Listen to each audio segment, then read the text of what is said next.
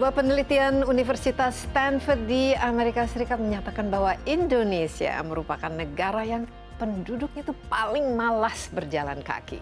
Kemudahan mengakses teknologi membuat masyarakat semakin enggan menggunakan kakinya. Mulai dari memesan berbagai moda transportasi, makanan, hingga mengirim barang, semua bisa dilakukan melalui gawai atau gadget. Padahal banyak sekali manfaat yang bisa didapat hanya dengan berjalan kaki. Nah, apa saja manfaatnya dan faktor apa lagi yang membuat orang Indonesia khususnya malas berjalan kaki. Insight with Desi Anwar akan membahasnya.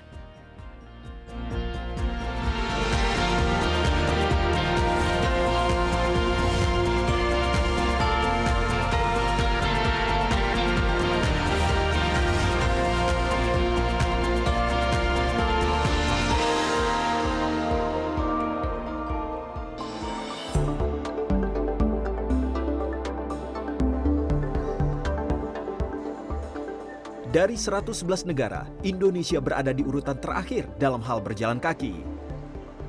Dengan metode melacak telepon genggam lebih dari 700 ribu orang, para peneliti di Universitas Stanford Amerika Serikat menilai Indonesia sebagai negara paling malas bergerak karena penduduknya hanya berjalan sekitar 3.500 langkah setiap hari. Sebagai perbandingan, warga Inggris berjalan lebih dari 5.000 langkah setiap hari, sementara warga Amerika Serikat berjalan kaki lebih dari 4.400 langkah per hari. Selain kemudahan yang didapat dari perkembangan teknologi, minimnya sarana dan prasarana untuk pejalan kaki disebut sebagai salah satu penyebab malasnya orang Indonesia berjalan kaki. Rapor trotoar pada 2022 yang disampaikan Koalisi Pejalan Kaki menyatakan, rata-rata rapor trotoar di Indonesia hanya 4,07 dari skala 10. Meski kini pemerintah kota dan kabupaten berlomba merevitalisasi trotoar, tapi kenyamanan pejalan kaki belum menjadi kenyataan. Pengendara kendaraan bermotor masih membandel, Tak jarang pejalan kaki dipaksa mengalah pada pengendara sepeda motor yang melintas di trotoar. Di beberapa titik, mobil yang parkir di trotoar memaksa pejalan kaki harus turun ke jalan. Padahal dilihat dari sisi kesehatan, jalan kaki memiliki banyak manfaat. Berjalan kaki juga disebut membakar kalori lebih banyak dibanding olahraga berlari.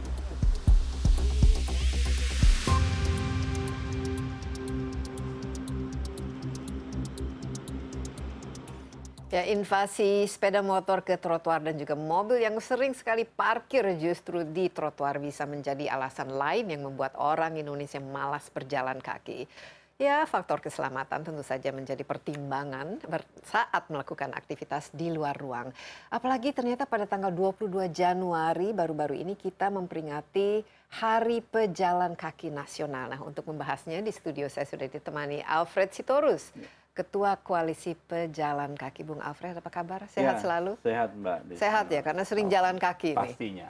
Nah, ini ke mana aja kalau biasanya jalan kaki dan ini dilakukan tiap hari Bung Alfred? Uh, hampir tiap hari karena saya mix dengan public transportation.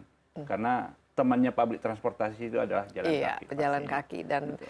memang ini juga bukan saja keharusan sekarang merupakan Betul. gaya hidup juga yes. karena jalan kaki itu sangat sangat sehat. Ya. Tapi ada yang namanya tuh koalisi pejalan kaki Bung Alfred. Hmm. Asal usulnya kenapa dan bagaimana mungkin bisa diceritakan? Uh, se sebenarnya gini, uh, koalisi pejalan kaki itu kami bentuk dulu di tahun 2011 yang lalu mm-hmm. itu merupakan sudah 10, lebih dari 10 tahun ya, ya sudah lebih dari 10 tahun karena ini sebuah movement gitu ya, ya.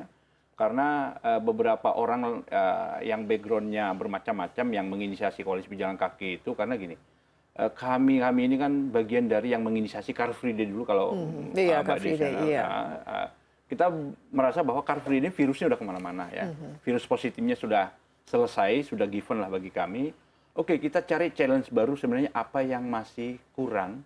Ternyata teman-teman bilang bahwa nasib kita sama ketika kita menggunakan angkutan ya. umum, yeah. nyawa kita secara serasa terancam ketika kita uh, melakukan uh, first and last mile dari uh, rumah kita menuju angkutan umum, di mana trotoar itu uh, selalu dihantui dengan parkir, diserobot oleh yeah. sepeda motor, uh, pedagang kaki lima, macam-macam ya okupansinya macam-macam. Dari situ uh, kopi darat beberapa orang, oke okay, kita sepakat bahwa kita akan buat satu movement baru yaitu mm -hmm. namanya koalisi pejalan kaki yang uh, pertengahan tahun 2011 yang lalu kita bikin tamasya trotoar kita di kawasan kota tua pertama sekali gitu ya dan tahun 2012 yang beranjak ke tahun berikutnya itu ada satu momentum yang cukup bagus ketika ada salah satu teman saya gitu ya salah satu inisiatornya Yep. Uh, koalisi pejalan kaki juga uh, tiduran di atas trotoar untuk menghalau gempuran para pemotor yang menginvasi trotoar gitu ya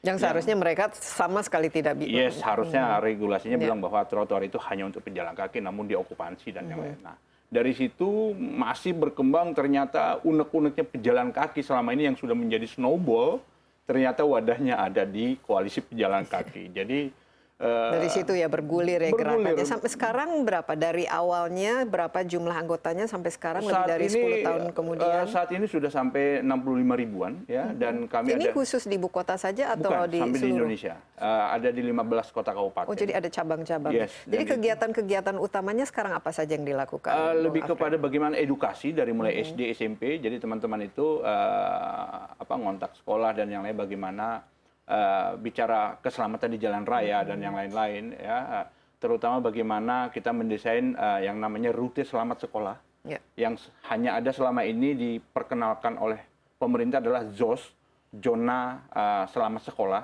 tapi bagaimana rute menuju sekolah itu Hmm. apakah sudah nyaman atau aman anak-anak sekolah itu berjalan menuju rute yang dia lalui nah di situ nah uh, dan juga kita edukasi sesama para pengendara. Pengendara juga uh, apa rombongan sepeda motor rombongan Iya. mobil klub-klub itu ya rata-rata kami biasanya bertukar pikiran ya. Uh, ketika mereka apa kopdar kopdar itu kami datang gitu ya diundang untuk memberikan satu materi yang memang uh, bisa kami sampaikan terkait dengan pejalan kaki. Karena gini eh, pejalan kaki itu saat ini uh, urutan nomor dua angka kecelakaannya di Iya. Indonesia dan 14 meninggal dunia setiap hari di Indonesia Gitu. jadi sangat sangat Mhm. luar biasa Uh, ya. dan itu sudah menurun dari 18 sebenarnya.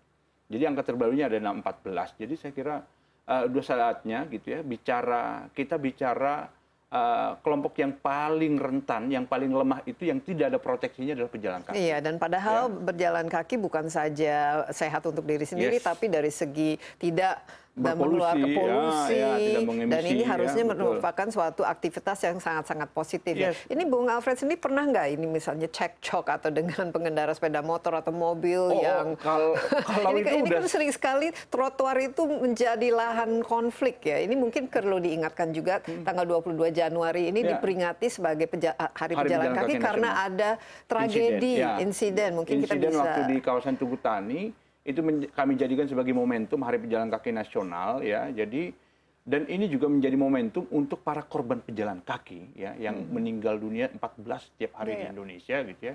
tiap Jadi- hari ya, tiap hari 14 tiap ya. hari Itu jadi nyawa sia-sia jadi sekali. per 12 eh, per satu jam itu mungkin ada satu Hmm. atau dua apa pejalan kaki meninggal gitu kalau kita bicara 24 jam gitu ya.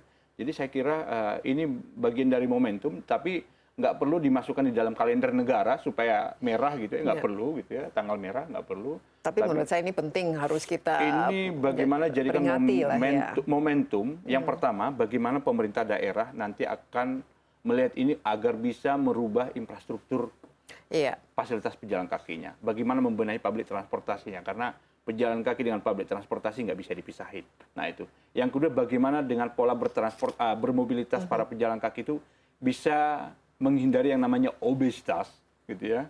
Yang di mana ah, warga kita mager sekali dengan datanya Stanford University warga Indonesia adalah warga yang paling malas berjalan Iya, kaki. Dengan berbagai macam alasan, Alasan, tapi yang gitu ya. jelas gawai Ya, merupakan betul, salah satu. Betul dan dan bagaimana eh, kita berharap bahwa mulai dari sejak dini anak-anak sejak dini kita harapkan bahwa mobilitas ke sekolah ke mana pun itu eh, tidak lagi selalu diantar diantar bisa tapi bisa bersepeda atau berjalan kaki kalau eh, rumahnya ke arah sekolah itu eh, cukup dekat. Nah hal-hal ini yang sebenarnya kita harapkan di di 22 Januari ini momentum ini cukup baik untuk memberikan fasilitas eh, fasilitas berupa trotoar, zebra cross, pelikan crossing ya yang memang diatur oleh pemerintah di dalam Undang-Undang Nomor 22 Tahun 2009 tentang lalu lintas dan angkutan. Iya, nah, gitu ya. tapi kita lihat begini, ini kan di kalau menggunakan jalan raya ini kan Yes. banyak sekali penggunanya, ada Ya, pejalan ya. kaki, ada Ya. yang naik sepeda, Ya. ya, ada yang naik sepeda motor, ada mobil. Nah, di situ biasanya juga ada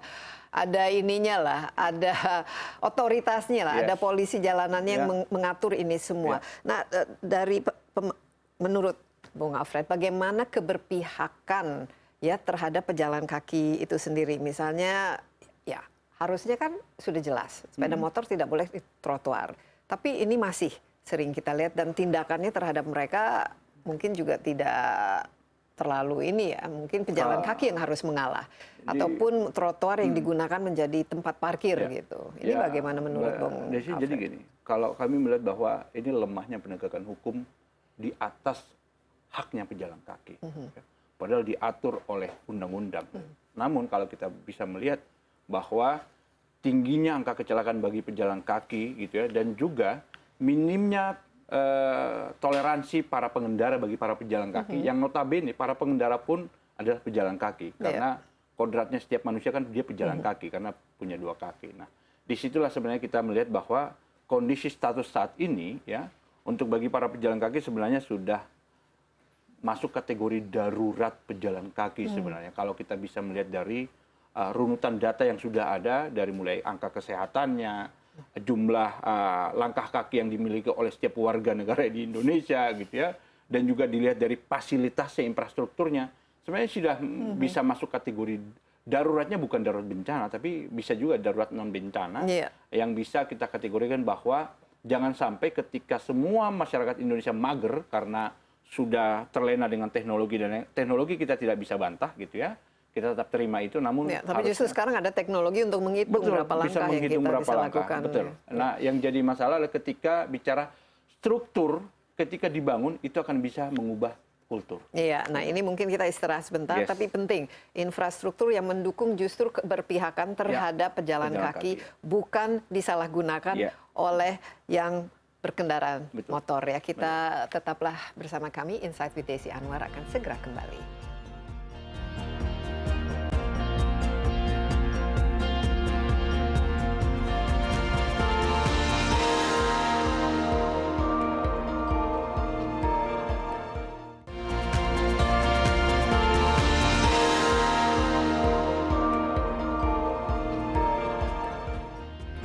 Masih bersama Insight with Desi Anwar, saya di studio ditemani Alfred Sitorus, Ketua Koalisi Pejalan Kaki. Mungkin tidak banyak yang tahu bahwa tanggal 22 Januari itu sebenarnya kita merayakan atau memperingati Hari Pejalan Kaki. Dan memang kata sebuah studi yang studi di Universitas Stanford yang ini sangat-sangat terkenal Indonesia katanya negara yang penduduknya itu paling malas berjalan kaki. Ini harus kita akui, kita hmm. refleksi. Memang kenyataannya demikian.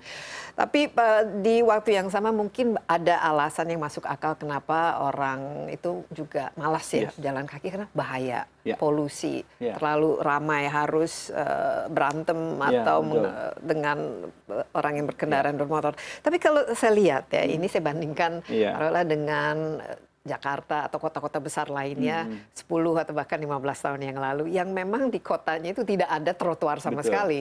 Betul. Ya bahkan ya. sampai sekarang juga masih ada bagian-bagian di kota yang tidak eh, ada trotoar. Tapi saya lihat ada gerakan keinginan oleh pemerintah daerah hmm. untuk memperbaiki infrastruktur, menjadikannya Betul. smart city, membuatnya ya. lebih cantik, trotoarnya ya. juga seperti Jakarta besar-besar, ya. lebar-lebar, kadang mungkin lebih lebar ya. daripada ya. kebutuhan, Betul. dan juga ada jembatan untuk menyeberang, ya. zebra crossing yang jelas ya. dan lain sebagainya. Tapi bagaimana menurut Bung Alfred? Hmm. Apakah ada kemajuan yang signifikan dari segi infrastruktur selama ini yang hmm. tercermin dengan jumlah eh, fatalitas yang menurun ya. dan apakah ada semacam laporan mengenai kondisi trotoar di seluruh Indonesia? Ya, uh, yang pertama adalah uh, untuk kota-kota besar di Indonesia, kami melakukan yang namanya survei rapor trotoar. Memang ada beberapa kota yang memang dia cukup ekspansif gitu ya, cukup masif uh, membangun infrastruktur uh, uh, bagi para pejalan kaki. Namun infrastruktur bagi pejalan kaki berupa trotoar ini, pelikan crossing, zebra cross JPO ini sebenarnya tidak boleh berdiri sendiri kalau menurut kami karena dia harus aktif dengan seluruh gedung dan juga moda public transportasi. Oke, contohnya bagaimana? Jadi uh, seperti Jakarta, itu trotoarnya itu sudah mulai diintegrasikan dengan MRT, Transjakarta, LRT, terus uh, pusat-pusat perbelanjaan yang memang membuka uh, yang namanya tembok depannya itu, jadi dia front aktifnya ada. Dan itu bagi para pejalan kaki itu sebenarnya uh, sangat bagus ya, uh, memicu orang untuk datang uh, menggunakan public transportasi dan mobilitasnya dengan berjalan kaki cukup banyak. Dan itu terjadi di kawasan Duku Atas Kolong Kendal yang ada uh, Citayam Fashion Yeah. Week dan itu tidak dimobilisasi dan orang datang ke sana dengan uh, sukarela bisa bermobilitas dengan public transportasi dengan dipadu dengan uh, berjalan kaki. Ja- Jadi lagi-lagi Jadi ke- sebenarnya bisa ya kalau ekosistemnya ditata Sangat secara integral ya. Yes. Jadi bukan hanya oke kita bikin trotoar di Ya, sini, tapi ya. ternyata itu tidak Betul. ada kaitannya dengan Ya, aktivitas jadi, di jadi eh, jangan berdiri sendiri si trotoarnya harus diintegrasikan dengan semua eh, bahkan harus diintegrasikan dengan sirkular ekonomi warga yang ada di sana namun ditata Ya, Di- ditata jangan justru trotoar yang Yes. bagus lebar tiba-tiba dijadikan Tempat jualan tempat di blok jualan gitu ya. se- sehingga Betul, ya mungkin betul. bagus saja kalau mau makan Ya, kuliner, ya. tapi yang ada pejalan kaki justru akhirnya jalan Yes, di jalan. Jadi gitu. fungsi utamanya akhirnya tidak terpakai. Iya. Nah, jadi ketika kami melihat bahwa eh, di 2016 yang lalu koalisi pejalan kaki menyampaikan bahwa kami mendorong semua kota kabupaten Indonesia membuat dokumen yang namanya rencana induk pembangunan trotoar di seluruh kota kabupaten Nah, Indonesia. ini diberikan kepada siapa? Kepada Pemda? Iya, Pemda, Ya. Ko- Pemkot uh, dan juga pemerintah uh, kabupaten Ya. gitu untuk mereka membuat kajian yang namanya mana skala prioritas untuk membangun trotoar. Semua jalanan itu memang prioritas. Namun kenapa kami mengatakan bahwa ada beberapa skala prioritas karena simpul sekolah, simpul halte, simpul stasiun, ya, kampus, uh, tempat ibadah, memang di situlah load ataupun volume pejalan kaki cukup tinggi dan itu yang memang lebih diutamakan karena memang volume pejalan kaki Iya, cukup tinggi. dan juga ini eh, khusus untuk transportasi Yes, umum ya yes. harus diprioritaskan. Ya, Jadi betul. orang juga males yang bawa eh, kendaraan, Kendaraan pribadi. pribadi, Tapi. Hmm. kembali ke rapor itu sendiri. Ada kira-kira hasil dari rapor ini bagaimana, oh, rapor, uh, Alfred? survei rapor trotoar di Indonesia yang dilakukan oleh Koalisi Pejalan Kaki yang kami launching di 2000 uh, di di 22 Januari kemarin pas Hari Pejalan Kaki Nasional itu untuk level kabupaten itu rata-rata rapor untuk level kabupaten di Indonesia itu 2 sampai 3 rapornya dari 10. dari wah merah sekali Ya. kalau begitu. Kalau untuk Nggak level untuk level Eh, kota Ya kenapa? Hmm? Rata-rata kenapa? Apakah karena tidak ada pemahaman terhadap integrasi ini, atau karena memang mereka tidak ada pembangunan infrastruktur yang dikhususkan? Kalau hasil survei yang kami himpun itu sederhana.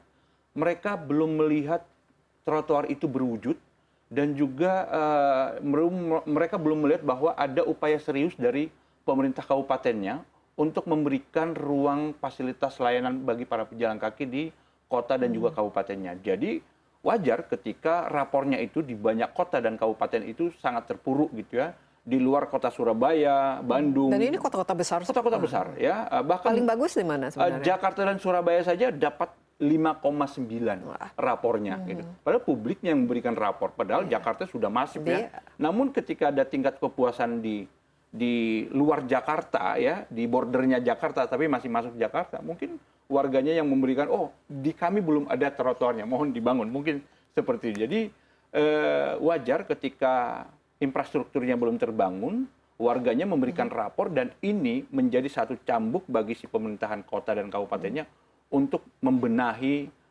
fasilitas Nah pejalan kaki. ini ada feedbacknya dari ini, rapor ini. Ada, Apa- ap- ada. Seperti apa feedbacknya? Apakah nan- nanti akan dimasukkan menjadi bagian dari pembangunan di daerah itu atau Eh, bagaimana? feedbacknya adalah si pemerintahan eksekutif di daerah itu meminta ke koalisi pejalan kaki menyurati mereka Hmm? agar mereka bisa berantem dengan DPRD-nya untuk meminta anggaran untuk membangun trotoar. Karena mereka nggak punya argumentasi kuat. Hmm. Ketika memakai survei ini, itu dipakai argumentasi kuat untuk meminta anggaran ke DPRD-nya karena penentu anggaran kan Jadi nanti ini akan dilakukan oleh koalisi pejalan kaki Ka- menyurati ketika- dan juga harus ada semacam petisi mungkin yang Eh, di bisa, tapi ketika eh, rapor ini mereka jadikan dalih ya kami kasih saja karena ini kan untuk kebaikan publik yang ada di Ya. daerahnya kan. Namun harus diawasi oleh publiknya, jangan sampai membangun trotoar itu salah material banyak sekali. Itu juga menjadi Yes, masalah ya. kami, ya. Nah ini mungkin dari segi idealnya kan Hmm. kalau kita lihat eh, kota-kota di Eropa pertama Ya. mereka nah ini mungkin sesuatu yang ingin dilakukan juga oleh DKI Ya. Mobil pribadi atau kendaraan pribadi yang masuk ke tengah kota itu khususnya biasanya tuh ada eh, dibuat sesus sesulit mungkin, mungkin, ya. mahal tidak Yes, ada parkirnya dan lain parkir, sehingga ya, mereka harus ya. meninggalkannya di stasiun Yes. misalnya atau di tempat-tempat eh, Ya. transportasi umum Ya. kalau idealnya itu seperti seperti apa dan bagaimana pejalan kaki itu ditempatkan dalam ruang-ruang publik seperti ini sehingga penegakan hukumnya juga mereka lah dijadikan uh, inilah orang yang dinomor satukan. Kalau kita lihat kan di di luar negeri, Yeah. ketika pejalan kaki menyeberang jalan, Yes. otomatis mobil berhenti. Kalau di sini kan jadi wah raja ya kalau Iya. di luar ya. Karena gini, piramida terbaliknya di luar itu itu tidak terjadi di kita.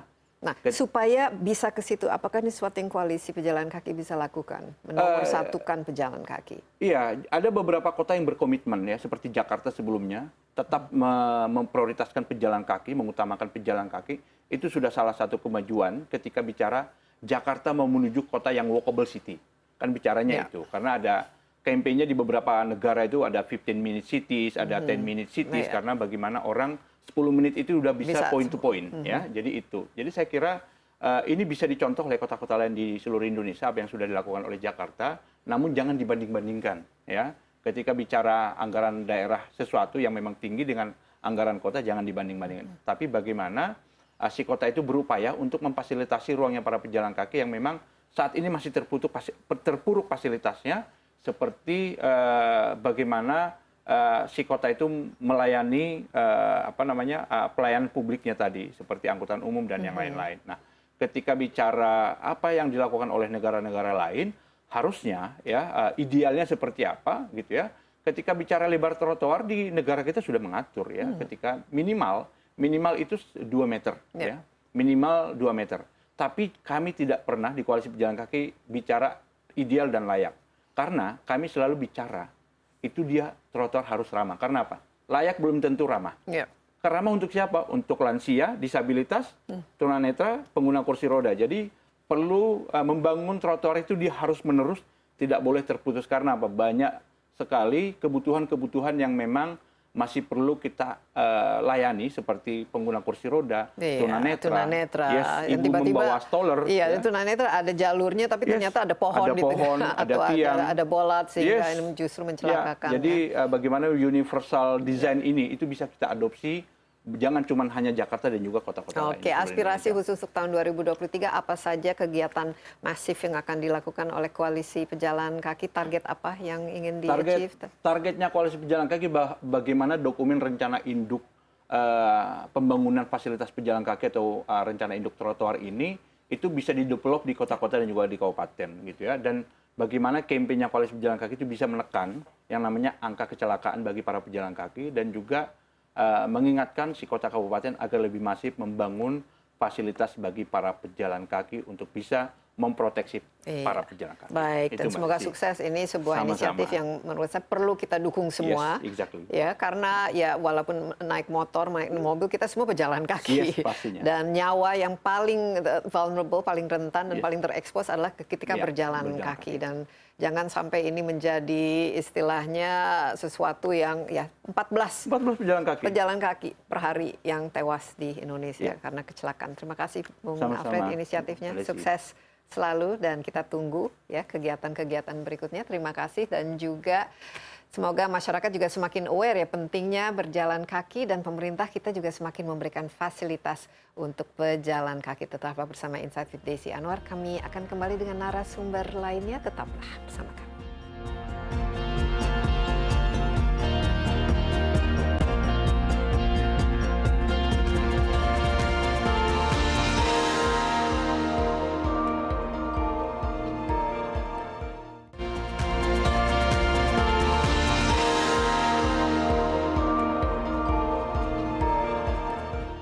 Masih bersama Insight with Desi Anwar, penduduk Indonesia mendapat cap paling malas berjalan kaki di antara negara lain. Penelitian yang dilakukan para peneliti menunjukkan bahwa warga Indonesia hanya melakukan 3.513 langkah tiap harinya. Ini sangat berbeda dengan warga di Hong Kong yang dinilai paling aktif. Karena rata-rata penduduknya itu berjalan kaki hingga 6.880 langkah setiap hari. Nah padahal berjalan kaki itu bisa mencegah berbagai macam penyakit termasuk penyakit jantung. Banyak lagi manfaat berjalan kaki, untuk itu kita langsung saja bertanya kepada narasumber kita kali ini, Dr. Adip Kumaidi, spesialis ortopedi dan traumatologi. Apa kabar dok? Sehat selalu dok ya? Alhamdulillah. Iya. Terima Ini, kasih.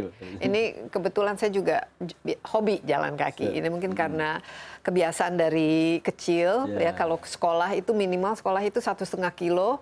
Eh, saya harus jalan kaki jadi pulang pulang pergi. Jadi Iya, tiap iya. hari itu bisa tiga kilo itu.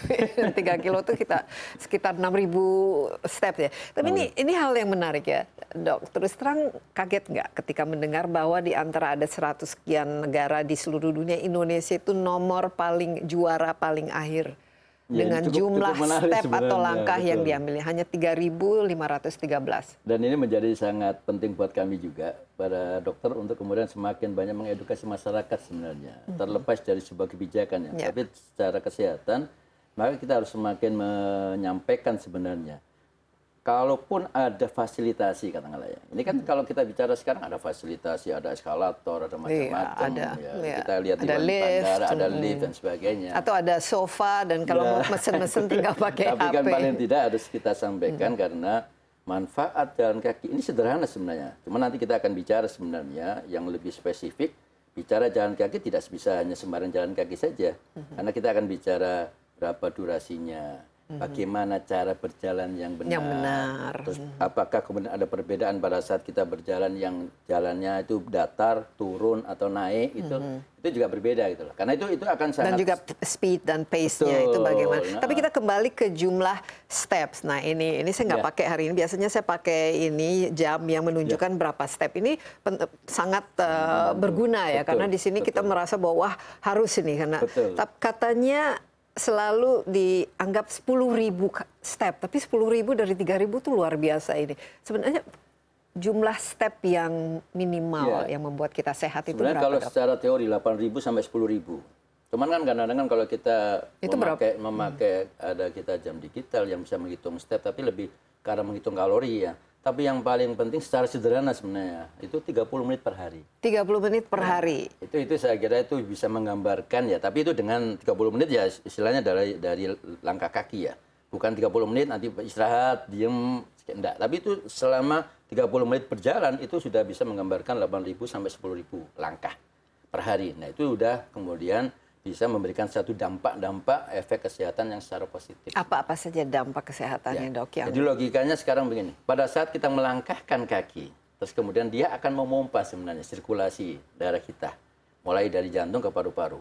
Nah, sehingga apa? Dia akan meningkatkan sirkulasi jantungnya, memperbaiki fungsi jantung. Kemudian meningkatkan sirkulasi paru-parunya, memperbaiki fungsi paru-parunya. Dan itu akan memberikan efek juga ke otak. Sirkulasi darah ke otak akan lebih baik sehingga ini akan juga oksigenasi ke otak lebih baik.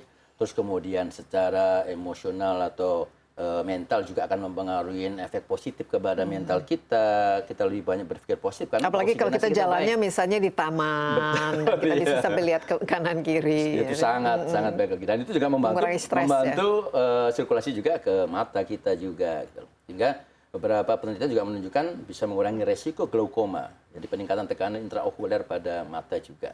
Kemudian untuk yang spesifik pada sendi nah ini yang paling penting sebenarnya itu Apalagi pada kalau udah sendi. semakin tua ya, kita Betul, dan osteoporosis. ini memang akan spesifik pada orang-orang yang dengan usia tua. Sebenarnya kalau orang usia tua itu harusnya jalan atau kemudian berenang atau kemudian berlari. Nah ini harus kita juga harus harus ada penekanan tertentu jalan cukup buat orang tua tidak usah kemudian mereka harus kemudian eh, harus lari karena semakin dia berlari akan memberikan pressure tekanan ke lutut yang memang akan malah mengganggu lututnya jadi cukup dia jalan Oke, jadi 30 menit per hari berturut-turut ini untuk semua usia. untuk semua usia Itu Ya. idealnya. Nah, Idealnya. kalau pengetahuan dokter di Indonesia ini mm, rata-rata kita melakukan itu enggak? Atau di dunia lah, 30 menit per hari berjalan kaki. Ya sebenarnya kalau kita melihat dari yang ada di daerah ya, saya kira masyarakat di daerah udah, sudah Iya. terbiasa gitu loh. Tapi pada saat kemudian kita bicara di kota, pada kelompok-kelompok mas- masyarakat, kadang-kadang kita melihat sekarang para pekerja kantor lah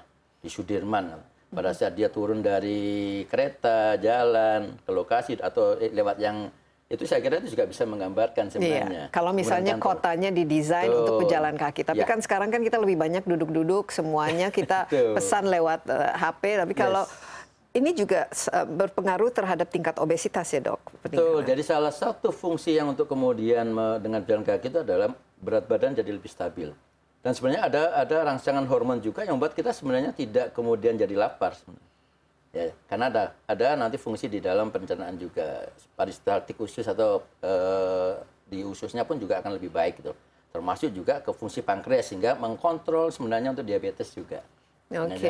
Jadi sebenarnya kalau kita tiap hari hanya berjalan kaki, ya ini kan kan kan banyak sekali sekarang macam-macam olahraga.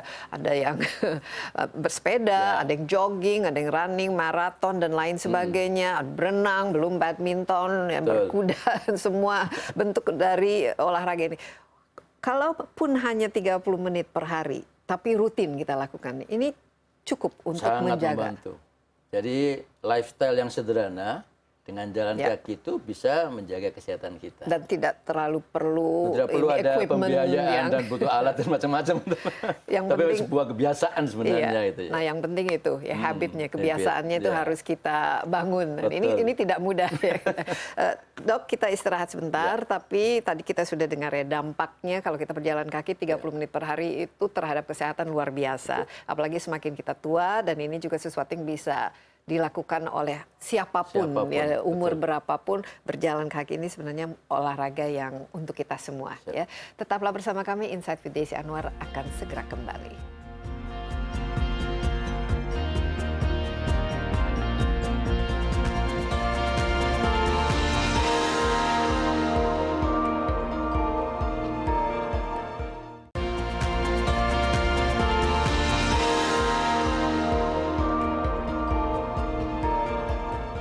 Bersama Insight with Desi Anwar, saya ditemani Dr. Adib Kumaydi, spesialis ortopedi dan traumatologi. Kita berbicara mengenai manfaat berjalan kaki dan dok, setahu saya ini eh, yang musuh nomor satu dari kesehatan itu sebenarnya kan duduk ya. Katanya duduk itu adalah merokok yang baru gitu. Is the Iya, new iya. smoking. Sitting is the new smoking. Ya. Nah, apa yang terjadi kepada tubuh kita? Kita kalau kita kelamaan duduk dan tidak berdiri atau jalan. Karena ya ini sebagian besar apalagi kalau kita orang kantoran ya tinggal di sedentary lifestyle itu biasanya sehari itu bisa lebih banyak duduknya daripada berdirinya atau berjalannya. Iya, jadi eh, ini ini berdasarkan riset juga. Jadi ada beberapa laporan dari penelitian ya, dan kita secara eh, umum pasien-pasien kami ya di ortopedi itu banyak yang sebenarnya dia usia muda sebenarnya. Kalau dibilang itu resiko ke arah pengeroposan, pengapuran belum ada sebenarnya. Belum. Tapi sudah mengeluhkan problem pada tulang, tulang belakangnya yang suka sakit, lututnya suka sakit. Dan setelah kemudian kita telusuri ada faktor pekerjaan yang membuat dia tuh dari mulai dia datang di kantor sampai kemudian dia hanya istirahat siang, habis itu duduk lagi sampai sore dia duduk saja. Dan itu itu yang kemudian kenapa itu eh, perlu di- menjadi perhatian pada saat dia dalam postur duduk yang lama. Jadi dia hanya dalam satu posisi saja. Ya mungkin di depan di komputer. depan komputer, ya. atau melihat ke tidak bawah ada gadget, ya. pergerakan-pergerakan dari sendi yang lain, maka akan muncul kekakuan-kekakuan dalam tubuh yang bukan tidak mungkin dia juga akan merangsang dari ligamen atau otot dan kemudian bisa saraf juga sehingga akhirnya dia akan mudah sekali terkena nyeri gitu loh. Iya. Ya kami eh, sendiri selalu menyarankan pada pasien-pasien seperti itu dan ini sudah menjadi pola yang kemudian di beberapa kantor dua jam dia harus ada berdiri melakukan senam ringan stretching Mhm. 10-15 menit saja. Tidak perlu 10-15 menit, katakanlah 5 sampai 10 menit tapi ada pergerakan dari sendinya. Jadi jangan duduk lebih dari dua jam gitu, Hmm. Ya. dan karena ya ini bisa merusak ya segala macam postur ini. Postur. Tadi eh, dokter sempat menyinggung mengenai ya jalan kaki, tapi cara jalannya Ya. juga. Nah, cara jalan yang benar. Kadang-kadang kan kita juga kalau jalan kan apa penempatan beratnya di mana Ya. Atau membawa tas yang Ya. berat di satu sisi terus menerus. Ini jalan Ya, itu, itu sangat penting itu Mbak Desi karena postur kadang-kadang kan kita ideal. kan eh, ada berapa langkahnya, maksudnya ja- jarak langkah kita ya. ya Kalau kita mengambil panjang terlalu kan ini. panjang, itu malah berbahaya. Kenapa? Itu yang akan bisa panjang? cedera, cedera-cedera yang memang karena overstriding gitu. Hmm. Overstriding itu posisi yang lutut yang kemudian karena dia itu agak sedikit ini jadi lebih overstretchingnya itu sehingga kemudian ada problem di daerah lututnya ini. Sehingga jarak itu tidak perlu jarak jarak langkah dengan panjang, tapi yang biasa saja. tapi uh, dengan endurance yang terus menerus selama 30 menit tadi gitu loh. Tapi untuk penempatan kaki itu sendiri bagaimana, uh, dok? Karena saya hmm. pernah ya dicek ternyata kalau saya jalan lebih ke apa namanya pronation ya, lebih ke nah, lebih ke itu yang memang misalnya harus menempatkan terlebih dahulu nah, sehingga idealnya berat badan kita itu di mana dan katanya ya. kalau jalan dan lari itu beban ke lutut kita itu sangat Jadi kalau kita melihat biomekanik daripada tubuh kita, titik tumpu itu dari mulai dari uh, kaki ya di apa namanya mata kaki ya sendi ankle-nya terus kemudian di lutut kemudian di panggul dan kemudian di tulang belakang. Sehingga postur yang harus kita dan sering akan menjadi masalah adalah di daerah situ. Sehingga pergerakan yang kemudian jadi titik tumpu pertama itu tadi menjadi sangat penting. Tadi yang disebut pro, uh, pronation-nya juga tadi itu ya ini kadang-kadang ada tipe-tipe kaki yang memang kita harus tahu gitu. Ya, dan itu kelihatan di ini di hak sepatunya Tuh, itu di mana kita meletakkan beban. orang yang dengan kaki cepel. Ya. ya. Itu juga akan berpengaruh. Sehingga kadang-kadang perlu ada sepatu khususnya.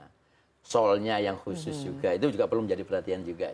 Iya, apalagi kalau kita menggunakan hak tinggi ini apalagi itu. itu itu merusak ya. saya Jadi, saya nggak pernah menyarankan karena itu menjadi satu problem utama juga pada kasus-kasus yang dia kasus sendi ya dari ankle dan lutut yang dipengaruhi oleh faktor high heels. Nah ngomong-ngomong ini kan dokter ini masih pakai ini kayaknya baru dari ruang bedah ini. Iya, Sempat apa? Ya, kebetulan bedah. tadi baru selesai operasi pasien dengan osteoartritis perempuan 55 tahun ya kalau kita berjalan kaki terus-menerus sampai usia tua bisa mencegah osteoartritis. Jadi ada problem dua sebenarnya jadi masalah kalau pada orang-orang dengan usia di atas 45 atau 50 tahun ya terutama pada perempuan yang sudah menopause. Osteoartritis dan osteoporosis. Oke, perbedaannya? Nah, ini yang sering jadi ini apa namanya kurang dipahami oleh masyarakat karena kalau osteoartritis itu pada sendinya. Sendinya. Pengapuran pada ya. sendi. Kenapa terjadi? Karena kan, kerusakan kan, ya. pada tulang rawan. Semua sendi terutama pada sendi yang tumpuan kita lutut, panggul, dan tulang belakang. Itu tiga posisi yang paling sering itu terjadi. Itu osteoartritis. Ya, kemudian osteoporosis, eh, pengeroposan. Hmm. Nah ini karena ada faktor-faktor, karena deposit, karena metabolisme kalsium yang sudah berubah, karena usia, karena faktor hormon juga gitu loh. Sehingga dia akhirnya terjadi pengeroposan. Nah, dua ini bisa menjadi masalah pada usia-usia yang di atas 50 tahun. Ya, nah ini bisa dicegah kalau kita melakukan berjalan kaki secara rutin Betul. dengan menguatkan tulang dan juga persendian. Karena kalau umpamanya kita ada satu faktor yang menjadi, ini menjadi sangat penting adalah dengan berjalan kaki kita membentuk postur tubuh kita. Karena kalau kita itu salah postur, itu yang kemudian membebani pada beberapa lutut yang itu malah membuat jadi kita jadi masalah ada di sendi-sendi tadi. Yeah. Osteoartritis dan osteoporosisnya tadi. Nah, jalan kaki kan memang menyenangkan hmm. ya, tapi pace-nya, kalau tadi posturnya sekarang pace-nya, kalau misalnya jalannya santai, hmm. ini ada efeknya nggak? Atau mungkin pace-nya itu seperti apa dan kira-kira harus ada. Perubahan dari denyut nadi yang kita Ya sebenarnya alami. kalau pace ini juga akan sangat individual. Individual hmm. namanya pada pasien-pasien yang memang sudah ada faktor masalah jantung ya. Kita hmm. tidak boleh kemudian memaksa dia dengan pace yang cepat gitu lah. Ya. Tapi kalau dia normally ya sebenarnya dengan pace-nya ya secara teori sih saya belum dapatkan berapa kilometer per jam yang kemudian disarankan ya. Tapi paling tidak dengan kan dia jalan biasa ya. saja sudah cukup ya. Tapi kalau ada yang jantung jangan terlalu cepat. Hmm. Kalau kalau normal, kalau kita hmm. sehat itu idealnya kalau jalan dengan tujuan olahraga ya. itu ini seberapa tidak seberapa perlu sampai kayak orang-orang yang lomba jalan cepat tidak perlu sampai seperti itu. Hmm. Yang penting dia endurance dia konsisten. konsisten endurance-nya. Minimal 30 ya. menit. Kalau ya. satu jam, dua jam, tiga jam juga nggak apa-apa. Ya nggak ya. apa-apa kalau tidak ada masalah dengan kalau, ini. masalah Tapi dengan kalau semakin lama kita berjalan, hmm. apakah bisa menimbulkan cedera, dok?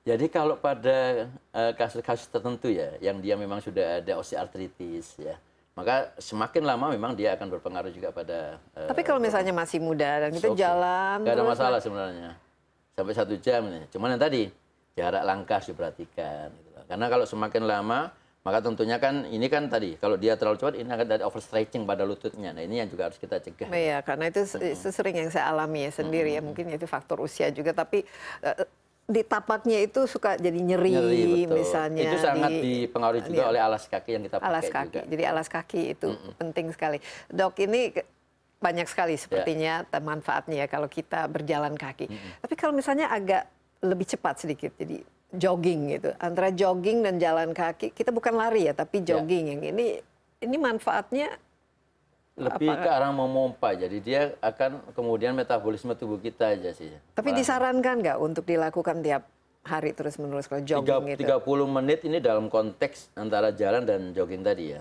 Jadi sebenarnya eh, tidak tidak menjadi masalah sebenarnya. Mau jalan atau akan dipercepat dengan semacam jogging atau lari-lari kecil tadi. Cuman kalau pada pasien-pasien dengan memang dia ada dasar osteoartritis, eh, kalau kami lebih menyarankan dia jalan kaki saja tanpa harus ada lari kecil. gitu. Iya, nah itu manfaatnya, benefitnya, tapi Mm. bahayanya berjalan ya kalau mungkin nyebrang bahayanya nanti di Ya karena memang nanti akan ada pengaruh pada motor. ligamen-ligamen ototnya juga. Jadi kalau kita tidak benar-benar memperhatikan dengan kondisi-kondisi yang tertentu yang ada dalam tubuh kita, maka Ya. strain strain itu juga bisa terjadi pada ankle, ada cedera-cedera. Ya. Ini ini sebelum kita break saya mau tanya sesuatu karena kita kan manusia dari Nah. dari asalnya kan kita memang makhluk yang berjalan, Berjalan, kaki ya. Dan tapi kalau sekarang selalu pakai sepatu ya kalau nggak ini sebenarnya kalau kita jalan dengan kaki Tanpa tanpa, alas, ya. alas ya kalau misalnya aman itu lebih sehat nggak sebenarnya? Sebenarnya kalau Atau- kalau ya ini yang kadang-kadang persepsi yang muncul kepada Hmm. di masyarakat. Bahkan kemudian oh paling bagus nanti jalan di atas batu-batu kecil Ya, itu yang kami yang buat sekalian refleksologi Sekalian refleksologi. Nah, gitu. ini yang kadang-kadang kita beberapa kasus yang kemudian kalau itu tidak diikuti dengan baik pada saat dia berjalan di atas batu-batuan tadi malah memicu terjadi penekanan-penekanan pada titik tertentu sehingga akan terjadi pengapuran pada tumit gitu. oh begitu Ya, jadi saya kalau kami lebih menyarankan kalaupun tanpa alas melihat dulu ininya apa yang di jalan di mana. Jalan yang datar biasa tanpa ada ini. Karena kalau pada saat dia membiasakan dengan dengan yang berkerikil tadi itu juga Iya. bisa memicu titik-titik tumbuh itu akan terjadi pengapuran. Baik, kita istirahat sebentar dok. Tapi ternyata ada ilmunya juga kalau kita jadi jalan kaki itu kita harus tahu ya jaga posturnya dan juga perhatikan alas kaki yang kita gunakan dan tentu saja ya jangan malas untuk jalan kaki. Jangan ke mana-mana dulu. Insight Desi Anwar akan kembali sesaat lagi.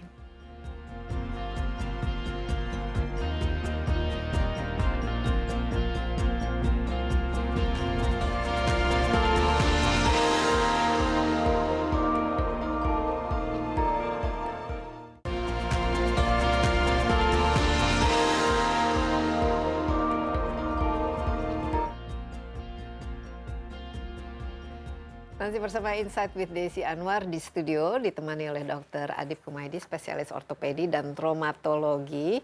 Jangan lupa setelah ini kita harus bangun dari tempat duduk dan gerak-gerakan badan. Betul. Jadi minimal 30 menit harus jalan, Jalan kaki. Apalagi kalau kita ya profesinya atau kebiasaannya itu duduk di, di depan komputer atau depan TV dan ini juga sebenarnya Dok, ini kan sebagai ortopedi ya. Apakah ada sejak ada kita main gadget dan Ya. juga main komputer, itu perubahan postur manusia itu apalagi di anak-anak kecil. Kalau kita kan dulu kecil mau main di luar, manjat pohon, jungkir balik dan lain sebagainya. Tapi kalau anak-anak sekarang lebih banyak duduk-duduk, apakah ada perubahan yang sangat berpengaruh. noticeable? Ada. Jadi beberapa Seperti kasus malah eh, anak-anak MC SMP gitu ya. Mhm. Kan kadang-kadang mereka itu kalau belajar sambil gini, Iya. main handphone. Atau jalan juga itu sambil- sangat sangat berpengaruh sehingga banyak yang kemudian akhirnya ya kita sampaikan rubah habitnya itu. Duduk harus tegak, belajar harus tegak. Iya. Karena kalau belajarnya gini, ini pengaruh sehingga eh, akan muncul kasus-kasus yang bukan bukan secara spesifik skoliosis ya, karena skoliosis ada faktor yang lain juga. Tapi dia akan mengganggu pada pertumbuhan dari tulang belakangnya. Jadi Karena ini harus ada posisi- edu- posisi. edukasi juga mungkin Betul. orang tua dengan Jadi mungkin mulai dari muda. Termasuk juga nanti yang berkaitan dengan osteoporosis tadi, ada pola yang kemudian harus kita luruskan kepada masyarakat. Minum susu itu bukan kalau kita udah usia tua. Minum susu, deposit tulang, deposit kalsium ya, Hmm. bentuklah sejak umur dari 20-30 tahun. Justru ya j- pada usia 20 30 kita harus lebih rajin paling tidak konsumsi kalsium kita Betul, Eh, kalau iya. nggak suka susu gimana? Susu kedelai juga bisa, susu Sebenarnya almond, ada sumber-sumber kalsium ya. kan banyak ya ikan juga bisa menjadi sumber kalsium gitu lah. Dan satu hal lagi yang yang perlu menjadi perhatian kita adalah karena kita sering di kantor kita jarang eh, expose dengan matahari. Nah itu dia, ini pentingnya kalau kita berpengaruh jalan juga. kaki di luar kita apalagi kalau di taman, Ya. ya ini bisa kena matahari, kena vitamin D dan Ya. ini akan sangat Dan membantu cari untuk menguatkan. ultraviolet matahari yang paling bagus sebenarnya. Jadi sebenarnya dia antara jam 10 jam 11. Iya, jadi jangan terlalu yang siang terlalu terik juga ini. nah, dok sebagai uh, dokter ortopedi dan traumatologi ini paling sering kasus yang ditangani itu cedera terhadap apa saja.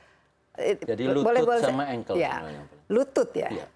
Apa yang paling uh, membuat uh, lutut itu bisa gampang cedera? Jadi sebenarnya lutut itu adalah sebuah sendi yang sangat stabil karena dia didukung oleh ya empat tulang dengan tujuh ligamen yang sangat kuat sebenarnya. Hmm. Tapi kadang-kadang pola yang kemudian kita di dalam gaya hidup kita tadi ya, kita jarang olahraga, sehingga akhirnya apa? Otot atau ligamen-ligamennya itu jadi kaku. Gitu. Hmm. Nah ini yang kemudian menjadi pengaruh-pengaruh. Jadi tidak selalu kemudian dia ada masalah, mungkin peranan sini tidak sampai ke ya. arah sana. Tetapi hanya karena dia kurang gerak saja, itu kemudian sudah mulai ada banyak masalah-masalah di Nah ini sering ditemukan ini sering. jadi di apa operasinya kan, atau treatmentnya kita kita lebih ke arah jadi selalu uh, first treatment kita mengedukasi untuk kemudian dia bergerak dulu move dulu gitu. Hmm, jadi, tapi susah karena lututnya sakit dok. nanti ya artinya dikasih obat yeah. obat painkiller ya untuk di awal tapi yang jelas saya bilang painkiller bukan menjadi obat utama obat utama adalah bergerak hmm. karena dari bergerak kemudian nanti ada juga faktor kemudian penekanan-penekanan di lututnya harus dikurangi apa yang masalahnya obesitas. Iya, terlalu berat ya badannya. itu juga Apalagi semua juga. semua dari beban kita itu larinya Betul. ke lutut. Hampir 30 persen ya. beban tubuh kita ada di lutut. Ah, 30 persen. Tapi kalau yang di sini di pelvis di di pelvis sama di tulang belakang ya. Tapi yang lebih utama juga itu di sini. Di lutut. Jadi ini apalagi kita yang memang sudah semakin tua itu makin hmm. malas gerak itu lutut kalau cedera itu perlu berapa lama untuk sembuhnya? Apakah bisa sembuh kalau misalnya yeah. ada osteoartritis ini? Mm. Dan misalnya kalau orang ini sakit patah tulangnya kedukun atau ke tukang nah, pijit. Ini, ini. ini yang selalu kita sampaikan kepada masyarakat. Jadi kalau mamanya kadang-kadang ada posisi atau ada gerakan yang kemudian membuat akhirnya ada keluhan-keluhan pada lutut, jangan langsung di treatment. Artinya apa? Sebenarnya treatment sederhana itu harus kita sampaikan kepada masyarakat. Apa? Kita paling sering adalah cedera soft tissue. Langkah langkah apa yang harus dilakukan? Contoh Rise. soft tissue di mana? So, jadi lutut, dia, hmm. dia apa namanya tuh ligamen, otot, otot gitu ya. Itu dengan rise, rise itu singkatan. R-nya rest, hmm, istirahat, istirahat aja. Ya. Gak perlu harus kemudian diurut-urut dan ya. macam-macam, hmm. perlu. Kemudian kompres, kompresnya kompres dingin, hmm. ya. Terus kemudian kalau ada ada elastik perban dibebat, ya terus kemudian ada sedikit di elevasi. Istirahatkan aja dulu. Hmm. Nanti pasti akan berkurang keluhan-keluhan itu. Tapi kalau pada saat sedang dia baru ada cedera, langsung dibawa mohon maaf ke tukang urut, diurut-urut, itu malah Nah, ini mungkin bengkak. harus ada edukasinya. Hmm. Jangan langsung diurut tiba-tiba bisa bengkak ya. Betul. Itu hmm. ada kasus-kasus menjadi trauma. Ini ini kan bagian traumatologi. Maksudnya traumatologi dalam hal ini apa, Dok, yang Jadi cedera-cedera pada ligam pada uh, apa namanya otot dan tulang. Jadi kalau bicara tulang bukan tulangnya saja. Jadi kalau kita bicara ada alternatif patah tulang, itu kan berpikir hanya tulangnya saja. Tapi kalau ortopedi berpikir tulang dengan sendinya, dengan kemudian ligamennya, dengan ototnya, dan ada saraf-saraf juga yang berpengaruh di situ. Iya, kalau misalnya kita olahraga terus-terusan dan hmm. olahraga kan sehat katanya, hmm. ya taruhlah jogging ya, nggak kalau tiap hari, kemudian cedera, itu apakah karena olahraganya atau karena memang aus atau salah. Ada dua faktor sebenarnya. Apakah Satu, bisa jogging atau lari itu nah, jadi pemicu membuat, cedera? Ya, jadi pemicu cedera. Jadi ada yang sering uh, kita dapatkan itu adalah dia suka main futsal, mm -hmm. tapi nggak ada pemanasan terlebih dahulu. Itu okay. bisa memunculkan cedera. Yang kedua over. Jadi over pergerakannya over juga itu ya, artinya pasti ada uh, durasi waktu yang juga kenapa tadi seperti tadi 30 menit atau satu jam boleh nggak berlebih juga? Ya, katakanlah bolehnya itu harus ada titik di mana kalau ada sudah mulai ada keluhan-keluhan jangan dipaksakan. Nah, di situlah akan muncul sebuah okay. cedera. Kan otot pun juga butuh waktu istirahat kan. Nah, kalau kita kita laku kita ini terus terlalu over ya nanti dia akan akan berpengaruh juga pada otot otot dan ligamennya gitu. Jadi situ ya cedera -hmm. itu karena terlalu berlebihan Betul. ya -hmm. dan durasinya terlalu lama. Terlalu lama. Ya tapi juga ini ya mungkin cara kita uh, memulainya tanpa pemanasan Tidak ini. Tidak pemanasan. Itu, itu jadi pemanas, gitu. pemanasan itu penting ya. ya Tapi kan jadi sebenarnya olahraganya itu sendiri bukan dia bukan menyebabkan cederanya, tapi betul. justru persiapan-persiapan. Itu kan kadang yang sering kita dapatkan. Dia olahraga sebenarnya olahraganya nggak ini hanya main futsal biasa, tapi Kenapa tiba-tiba kok ada cedera, dia ada masalah di ligamen atau putus ligamen, bahkan sampai putus Iya. ligamen. Nah, kalau lutut misalnya ced- kan paling banyak kan eh, operasinya. Lutut itu biasanya diapain? Ada katanya ada knee replacement atau gimana kalau misalnya ototnya atau Ya, jadi kalau kita bicara di lutut kan Dan ada faktor dari ligamen. Ya.